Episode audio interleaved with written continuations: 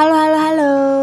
Hai Masih bersama kita di Terbayang Kamu Kamu. Oke, kali ini kita akan ngebahas dan kita akan kasih tips tentang kenapa kita harus ngambek sama pasangan atau kita harus perlu untuk ngambek sama pasangan. Iya apa tuh? Satu, hmm, biar dimanja. Oh biar Perempuan suka tuh dimanja.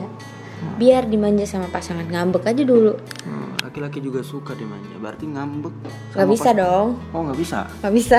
Hanya perempuan yang bisa Hampir perempuan yang sukses dalam ngambek untuk biar dimanja.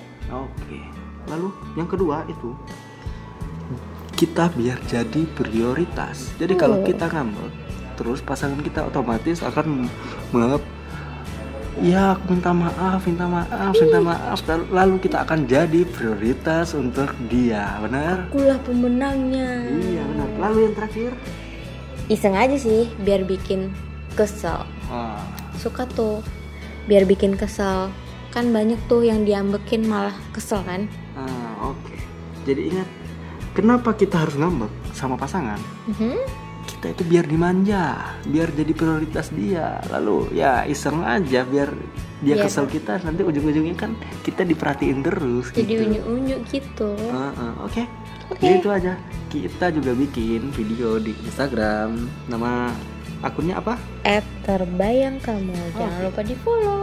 Di follow. Terima kasih. Dadah, dadah. See you.